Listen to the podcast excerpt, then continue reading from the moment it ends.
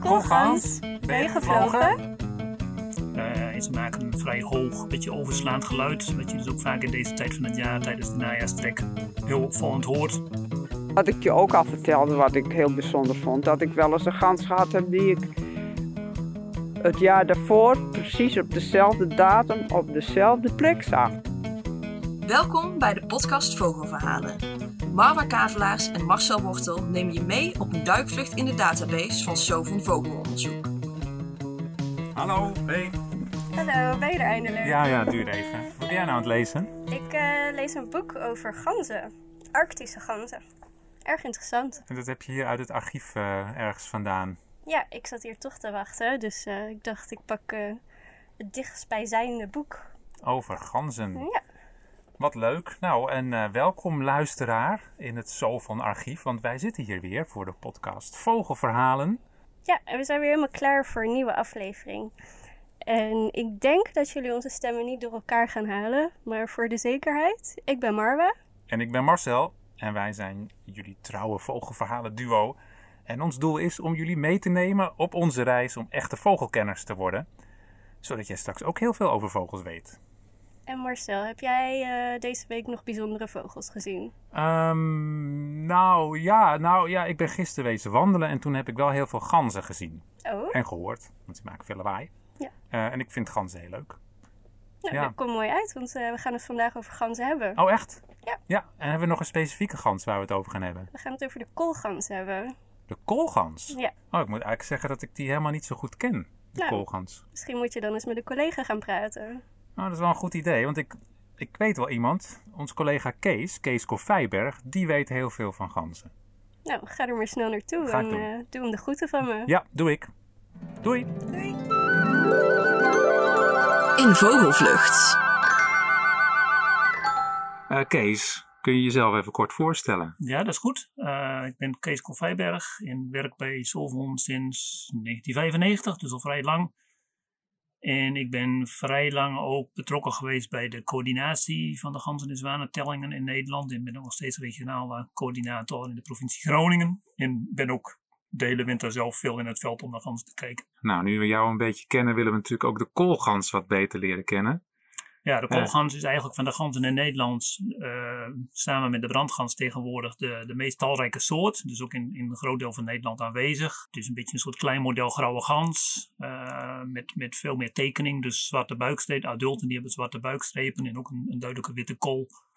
Uh, en ze maken een vrij hoog, beetje overslaand geluid, wat je dus ook vaak in deze tijd van het jaar tijdens de najaarstrek heel opvallend hoort. De jongen die zijn wat minder makkelijk herkenbaar, lijken ook wel een beetje op toendra-rietgans, hebben wat minder uitgesproken kenmerken, hebben bijvoorbeeld niet die, die witte kool uh, en hebben ook niet de zwarte vlekken op de buik. Die, dat soort dingen krijgen ze wel in de loop van de winter, dus in de loop van de winter wordt dan een stuk ingewikkelder om ze te onderscheiden. En de kool, dat is dat, dat plaatje boven hun snavel? Ja, dat witte plaatje boven, ja, uh, boven wat, hun wat de meerkoet bijvoorbeeld ook heeft. Ja, maar bij de meerkoet is dat uh, een soort hard materiaal, zeg maar. Een, een bles. Uh, ja, hoe zeg je dat? Gewoon een, ja, het zijn geen veren. Nee. bij, de, bij de koolgans zijn dat gewoon kleine witte veertjes op een zwarte ondergrond. Dus je ah. ziet rond die kool zie je nog een soort donkere uh, zweem, zeg maar. Ja, ja. En waar moeten we zijn als we koolganzen willen zien? Grote aantal koolganzen zitten eigenlijk met name in het zuidwestelijke deel van Friesland, maar ook in het rivierengebied, met name langs de IJssel. Uh, maar eigenlijk overal waar je gewoon grote graslandgebieden hebt, dus ook veenweidegebied, Zuid-Holland, Utrecht, Noord-Holland, uh, Waterland, Noord-Holland, uh, delen van het deltagebied. Ja, en je zegt grasgebieden, dan vermoed ik dat de koolgans graag gras eet. Koolganzen forageren vooral op gras, maar juist nu in het najaar, op het moment dat er mais is geoogst of suikerbieten zijn geoogst of aardappels bijvoorbeeld in, in de veenkolonie in Groningen-Drenthe, dan zie je ook hele grote groepen uh, op die oogstresten forageren, omdat die gewoon in feite op dat moment net even gunstiger zijn qua voedsel, energiegehalte zeg maar, als het gras. Maar goed, dat soort oogstresten is vaak maar een beperkt deel van het jaar beschikbaar. Het land wordt op een gegeven moment geploegd en dan schakelt ze toch weer over op gras. Ja, nou we hebben um, gemerkt dit jaar, dat, uh, want de koolgansen die komen in de winter naar Nederland. Dit jaar waren ze er vroeg bij in Nederland, tenminste de eerste groep koolgansen. Um, maar uiteindelijk lijken de aantallen dit jaar lager te zijn dan, dan, dan gemiddeld. Ja, dus er was inderdaad zo rond 20 september is er een vrij groot contingent van enkele tienduizenden vogels aangekomen. Dat was ook heel opvallend. De dagen met, met met veel trek. Uh, in, ja, dat, dan krijg je een beetje de indruk, nou ja, dat zal in de komende weken uh, zal dat wel verder gaan toenemen. En eigenlijk is het, afgezien van die paar dagen in september, is het eigenlijk daarbij gebleven. En ook bij de, de laatste watervogeltelling in, in uh, half oktober, waar we nu al de resultaten van hebben. Daar blijkt ook dat de aantal koolganzen maar een fractie zijn van wat we pakweg vijf jaar geleden gewend waren. Dus wel een beetje een trend. De, de, vorig jaar waren het er juist heel veel, 2020. Maar de jaren daarvoor was er ook al een tendens gaande dat het in het najaar, eh, ja, de aantal met name in oktober en in, in november veel lager zijn dan in, in de periode daarvoor. En hoe komt dat? Um, dat heeft er waarschijnlijk mee te maken dat ganzen in, in jaren dat ze laat aankomen, in feite langer onderweg zijn van het broedgebied in Rusland naar onze omgeving. Bijvoorbeeld omdat ze in het oosten van Duitsland of in Polen of in de Baltische Staten of misschien zelfs nog wel in delen van Rusland daar gewoon waarschijnlijk gunstige voedselomstandigheden vinden. Of bijvoorbeeld geconfronteerd worden met minder goede weersomstandigheden, waardoor ze gewoon niet die snelle vlucht kunnen maken. Dus in, een aantal jaren geleden uh, heeft, hebben collega's uit Duitsland hebben aan de hand van gezenderde vogels geanalyseerd uh, hoe zeg maar, de najaarstrek en de voorjaarstrek verloopt. En bij de meeste vogelsoorten is het eigenlijk de voorjaarstrek, omdat vogels moeten gaan broeden, veel sneller verloopt dan de najaarstrek. Bij de koolgans bleek het net andersom. Vogels vertrekken eigenlijk eind september uit de toendra in Rusland en komen dan min of meer in een soort directe vlucht of in een korte tussenstop naar ons toe. Terwijl ze in het, in het voorjaar doen ze dat met veel langere tussenstappen voordat ze uiteindelijk weer in het broedgebied uh, aankomen. Dus ze verlaten ons land zo orde grote tweede helft van maart.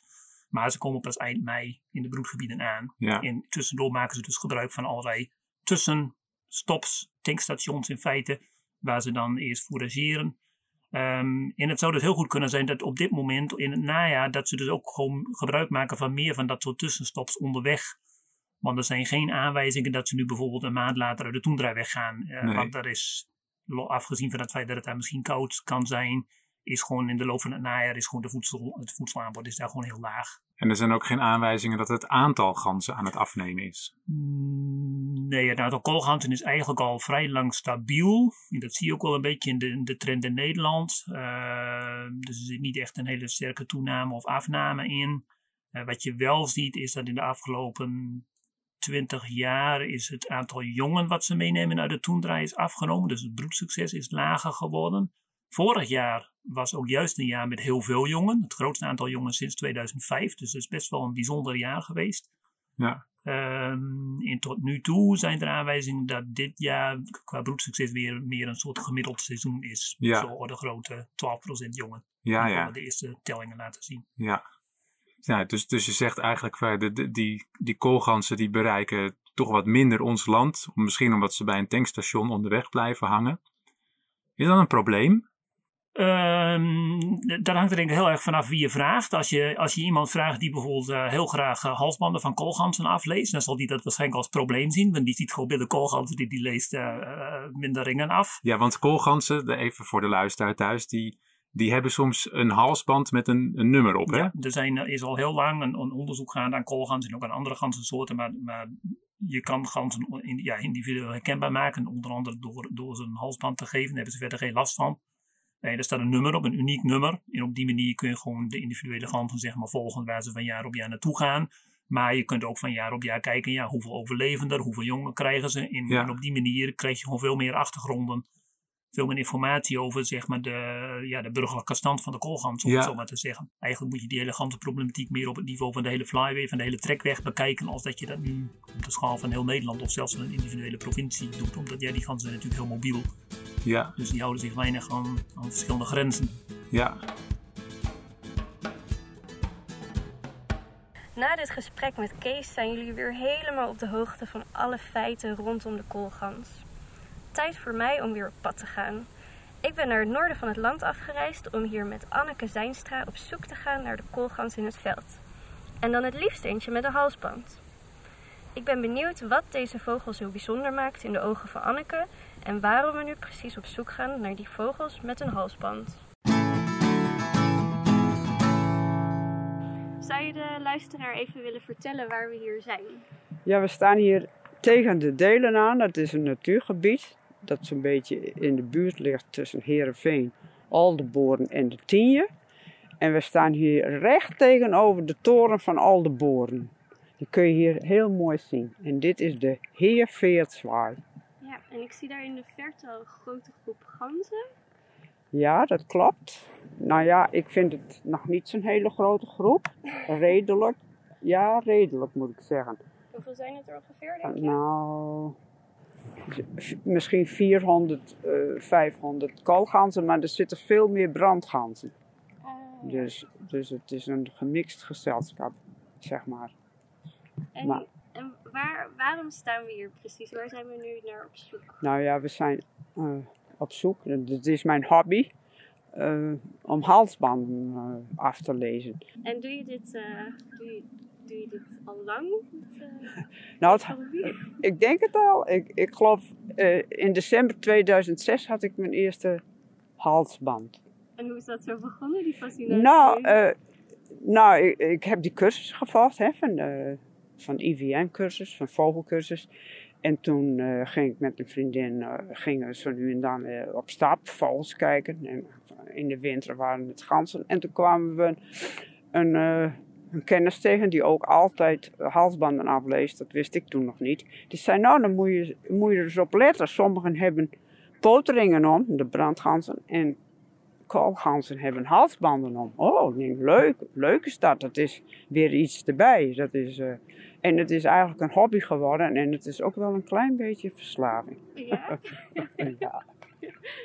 Wat maakt voor jou die koolgans nou zo bijzonder? Waarom, waarom vind jij die leuker dan de andere? Nou, nou, ik wil niet zeggen dat die nou echt leuker is, want er zijn ook leuke eh rotgans bijvoorbeeld. En, de, en het blauwpoortje, dat is een kleine rietgans. Maar die komen minimaal voor. En die komen hier niet, niet veel voor. Dus de, de koolgans is een, een vogel die, die zag je overal in Friesland. Dus het is ook makkelijker. Het is een hele mooie vogel en ik vind het geluid ook wel leuk. Is eh, een schattig geluid ergens. Ja. Beter dan de, Nou ja. andere ganzen. Nou, ik heb ook wel verteld hè, dat ze ook wel eens ruzie maken, die vogels. Dan vliegen ze op elkaar af, stuiven ze op elkaar af. Dus het is eh, niet enkel naar de halsbanden op zoek, maar je kijkt ook gewoon Oh ja, een, be- een beetje naar het gedrag. En met dat halsbanden aflezen, dan is het ook wel eens dan... eh, ze liggen ook wel eens, hè. Dan is het moeilijk om, om het af te lezen. Ik kan me voorstellen dat als je al zo lang bezig bent met de koolgans, dat je dan ja, heel wat bijzondere waarnemingen doet. Is er één vogel of één waarneming die je heel erg is bijgebleven? Nou, mijn geheugen is niet al, al te goed meer. Dus ik, ik hou het een beetje bij recente jaren. En dan vind ik AZ7 vind ik altijd wel leuk, omdat dat mijn initialen zijn. En die zit, eh, die zit eigenlijk in de buurt van Terhorne. En die zie je dan elk jaar? En die zie ik nu, en die heb ik onlangs ook alweer gezien. En dat, dat was de eerste waarneming weer dit jaar. Bij, Oh, ja, van die vogel dan, hè? ja, ja, Interessant. En eh, die, diezelfde vogel zit dan ook dus elke keer op dezelfde plek? Nou, min of meer. Hij zit altijd een beetje rond Ter Hordne. Daar in de buurt tussen eh, Ter Hordne en, en Go en Garib. Daar eh, tref ik me het meest aan. Het is toch interessant hoe die dan elke keer weer diezelfde Ja, dan ongeveer En wat kan ik- vinden. wat ik je ook al vertelde, wat ik heel bijzonder vond. Dat ik wel eens een gans gehad heb die ik het jaar daarvoor precies op dezelfde datum op dezelfde plek zag. Dat is natuurlijk heel bijzonder. Daar ben ik weer. Zo, en was het leuk? Ja, het was echt een avontuur. Ik ben blij dat ik dit keer wel wat vogels heb gezien. Eindelijk. Nou, ik ben wel een beetje jaloers nu hoor. Dus, eh, zal ik de volgende keer anders gewoon op pad gaan? Nou, ik weet niet wat ik daarvan vind. Liever niet. Hmm, Nou, we hebben het er nog wel over. Eh, maar we weten nu wel enorm veel over de koolgans. En ik heb, terwijl jij weg was, zelf ook nog wat onderzoek gedaan. Oeh, brandlos. Ja, nou, ik stuitte op een artikel uit de Gelderlander over een koolganzenkoppel dat in ieder geval al vier jaar lang samen de trektocht van Siberië naar Groningen maakt. Oh, wat een monogame beestjes. Mhm. Daar moet je me wel wat meer over vertellen. Dat ga ik doen. Ze hebben dus een hele leuke rubriek hè, bij de Gelderlander. Dierenmens heet dat. Eh Annemarie Haverkamp schrijft daar verhalen over dieren. En deze keer was, heel toepasselijk, de koolgans aan de beurt.